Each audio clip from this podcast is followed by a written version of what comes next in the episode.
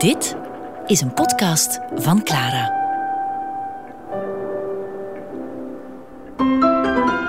Bauhaus. Met Goedroen de Geiter. Er studeerden heel wat vrouwen aan het Bauhaus. Dat was bijzonder voor die tijd. Dat was helemaal niet normaal dat vrouwen zo, zo welkom waren op dat soort scholen. Nu ja, Duitse vrouwen hadden sinds 1918 stemrecht in de Weimar-republiek.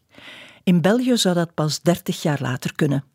Veel Bauhausvrouwen dus en veel liefdesgeschiedenissen. Wie moest er weg? Natuurlijk niet de directeur, getrouwd en had ondertussen ook een relatie met de secretaresse trouwens. Minke Simon Thomas, Veronique Bonen, te weinig 3D inzicht. Regina Bittner, een van de curatoren van het nieuwe museum in Dessau. Zij heeft het over Otti Berger.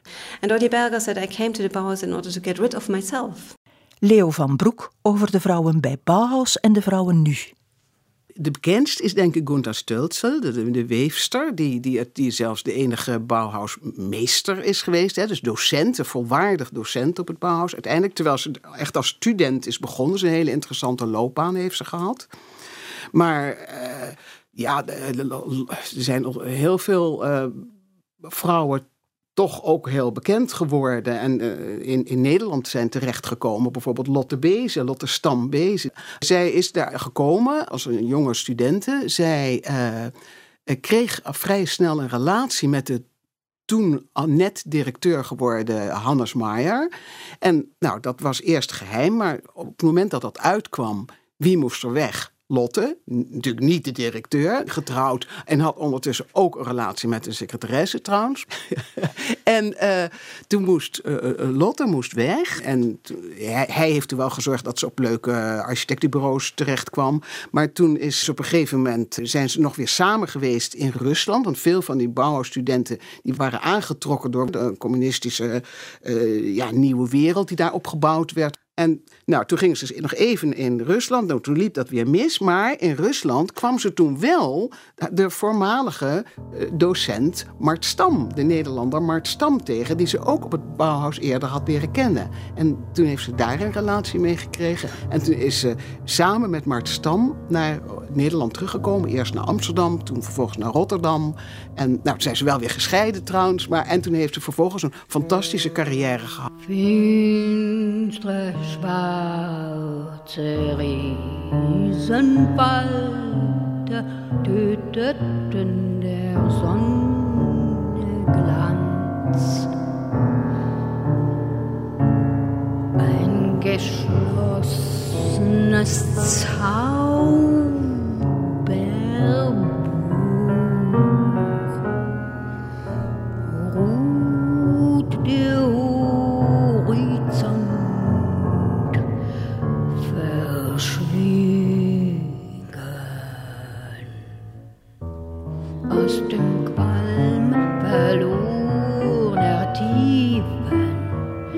steigt ein Duft, Erinnerung mordend. Finstere, schwarze Riesenwolke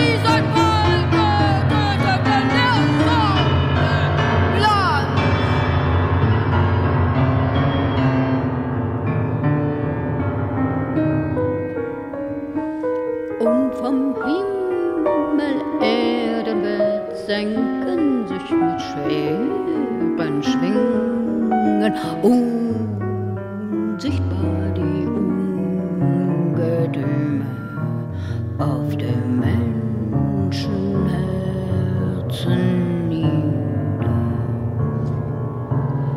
Finstere schwarze Riesenfalter.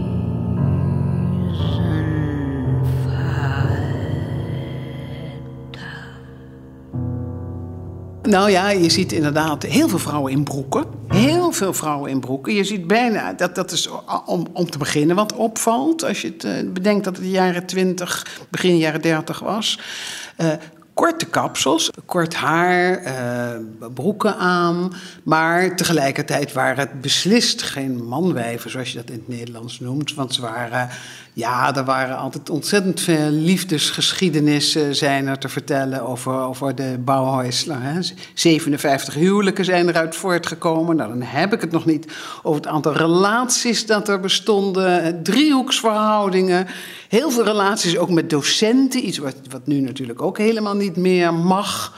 Maar uh, dus het was. Uh, nee, de, de, de vrouwelijkheid werd toch ook wel uh, beleefd, om het zo maar te uitdrukken. En ik denk dat de kunstacademies of de, de kunstnijverheidsscholen op dat moment in Nederland toch wel iets um, ja, achterlijker in de letterlijke zin van het woord waren toen nog. Maar in de jaren dertig bijvoorbeeld, als dan het Bauhaus gesloten wordt en daar wordt, wordt in Nederland zoiets als de nieuwe kunstschool opgericht, een soort ja, herleving van het Bauhaus in mini-formaat in Nederland.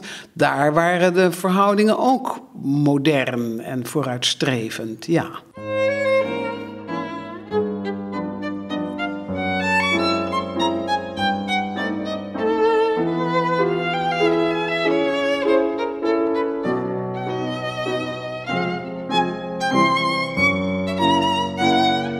In beginsel was het Bauhaus heel erg vooruitstrevend als het om vrouwen ging. Vrouwen hadden even gemakkelijk toegang tot de school als, als mannen.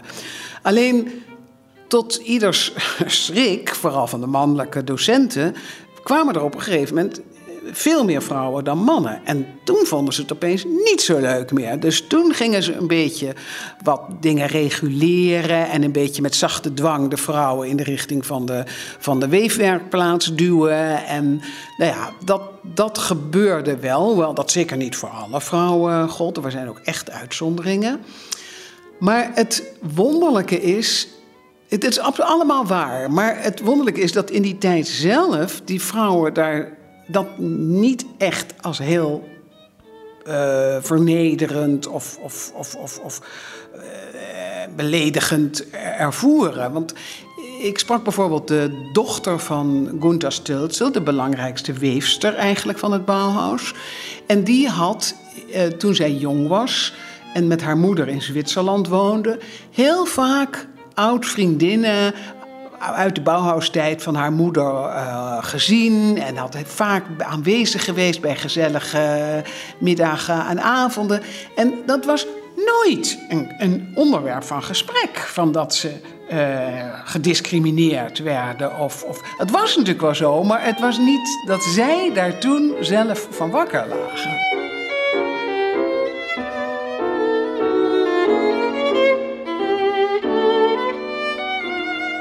Kindermeubelen waren, waren de reacties heel positief.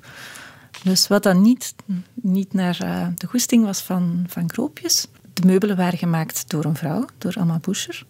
In het manifest stond er dat de toegang vrij was aan, aan de mannen en vrouwen. Maar eigenlijk werd er een beetje officieus altijd de vrouwen gestoken in het weefatelier, in de keramiek, limite, omdat ze te weinig 3D-inzicht hadden. En dan komt er plots een vrouw die allemaal meubels maakt die modulair zijn, die je kan kantelen. Het zijn allemaal een soort van kubussen die je kan vullen, die je kan kantelen op een andere manier gebruiken. En dus gigantisch veel 3D in zich tonen. En dat was dan heel moeilijk natuurlijk. Uh, en het gekendste voorbeeld is dan waarschijnlijk het, uh, het, bootje dat, ook nog altijd, dat je nog altijd kan, kan krijgen. Een bootje dat in verschillende kleuren en vormen, blokjes die je allemaal samen kan steken tot één grote boot of verschillende kleine bootjes. Uh, waarmee je kan eigenlijk ontdekken welke soort figuren dat je er allemaal mee kan, kan maken. Dat heeft Alma Boucher ook ontworpen. Dus, dus zij heeft zich echt erop gesmeten, op, op, op dat idee van, van, het, van het zelf ontdekken en het zelf zoeken, zowel op de schaal van het speelgoed als op de schaal van het meubel. En hoe dat die twee eigenlijk kunnen interageren. En als je dan kijkt naar het, naar het bootje, is het uh, fijn om terug die, die, te zien hoe dat uh, Iten die, die Freubel-pedagogie heeft uh, binnengebracht. Want Freubel had in de 19e eeuw, de eerste helft van de 19e eeuw, had hij, had hij, is eigenlijk de, de, de, basis van, van de kinderpedagogie, waarin een kind moet, moet kunnen leren en ontdekken en, en dat een kind specifieke noden heeft en niet gewoon een grote mens in het klein is.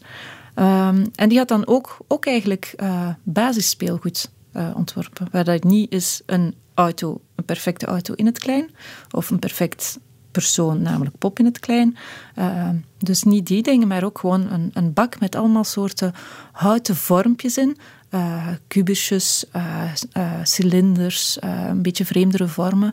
Zoals we waarschijnlijk als kind ook zelf, we hebben die zelf ook allemaal nog altijd gehad. Zo die, die bakken op wieltjes waar al die, die blokjes in zaten. En dan zie je dat ook die, dat, dat, dat bootje daar ook echt nog heel hard op geïnspireerd is.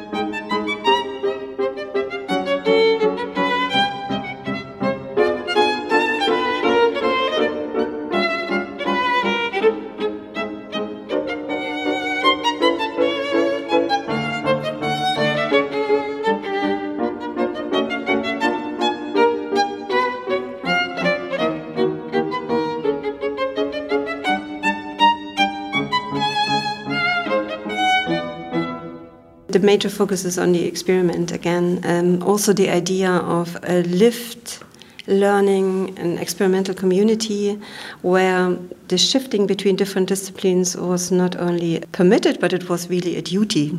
So that you really could transgress yourself. You could transgress not only your gender, which was also important, it was really a kind of a place under the circumstances of the Weimar Republic, where the transgression of gender relations was possible, and this was certainly also caused a lot of um, critique by the local public here in Dessau.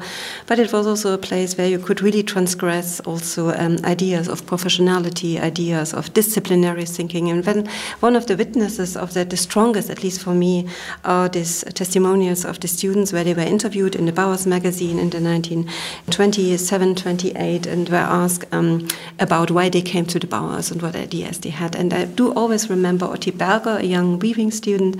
Um, she was quite successful then later on as a weaving artist, but she was then, because of her Jewish background, killed in a concentration camp in the beginning of the 40s. And Otti Berger said, I came to the Bauhaus in order to get rid of myself and to start from scratch. And from that, I start discover something very new. And this kind of experience she shared with a lot of other fellow students.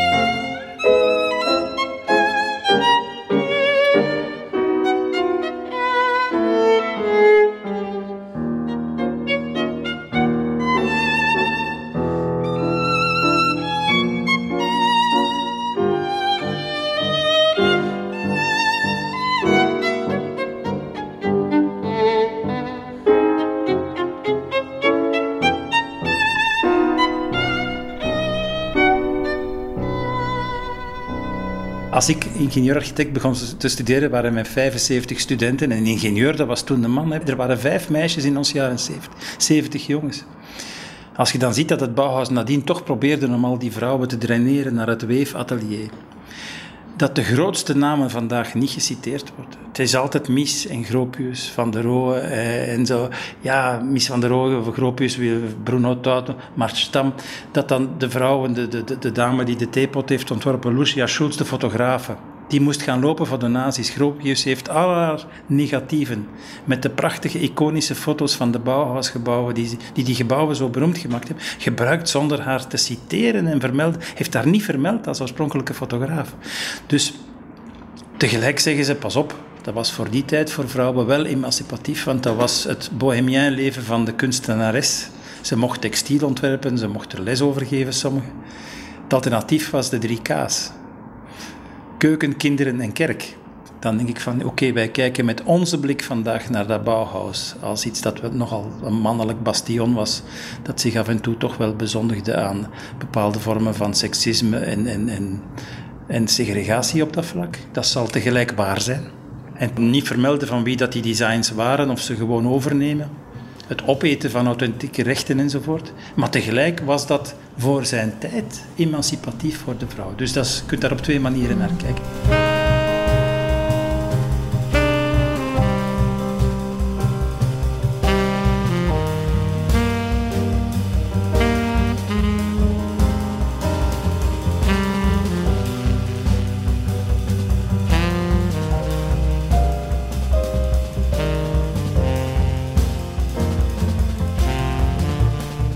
Hebben ondertussen wel meer dan 60% vrouwelijke studenten in Leuven. Maar het blijft zo dat overal in Europa het architectenberoep ontzettend slecht betaald is. Het is het slechtst betaalde vrije beroep. Dikwijls een derde van wat bijvoorbeeld advocaten of notarissen verdienen per maand.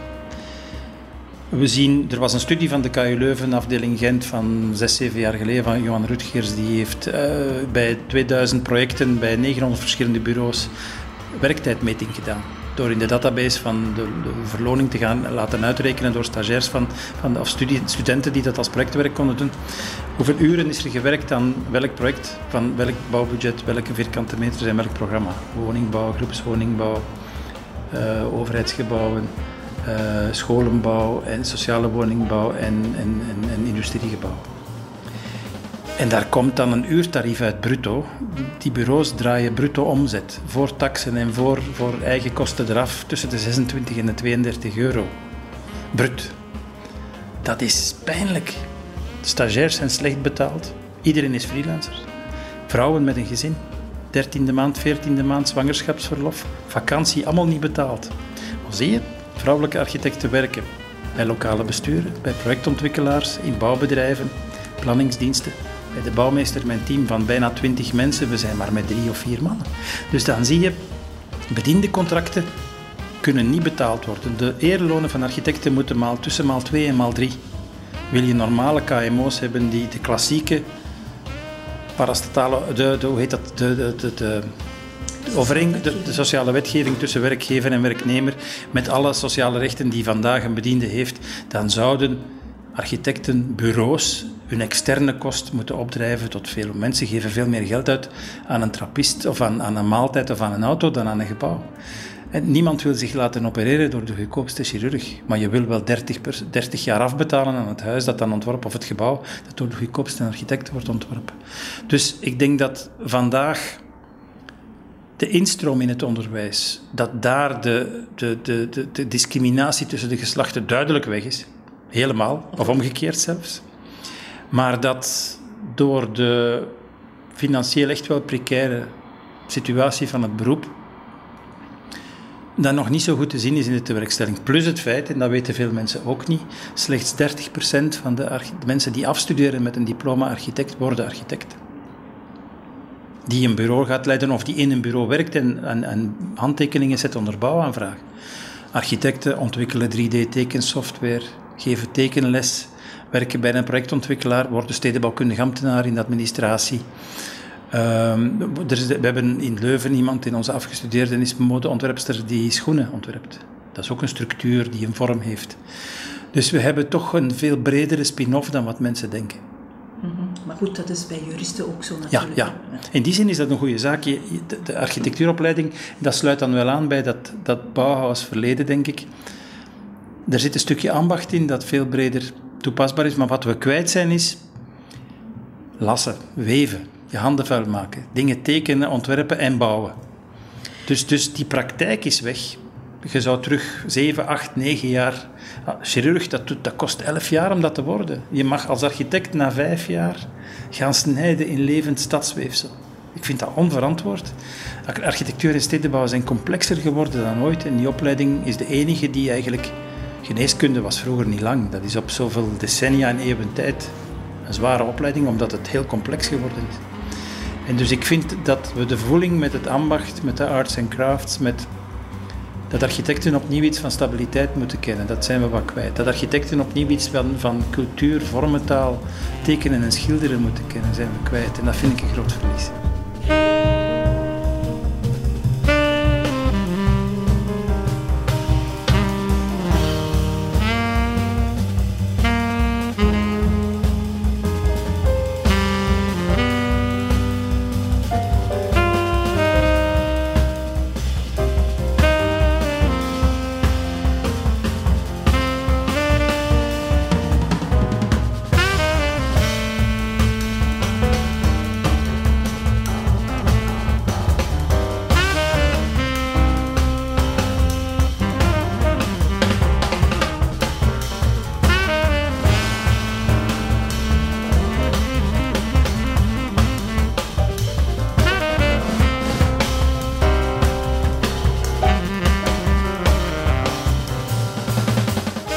Was Bauhaus deel 1, ook te beluisteren als podcast via clara.be.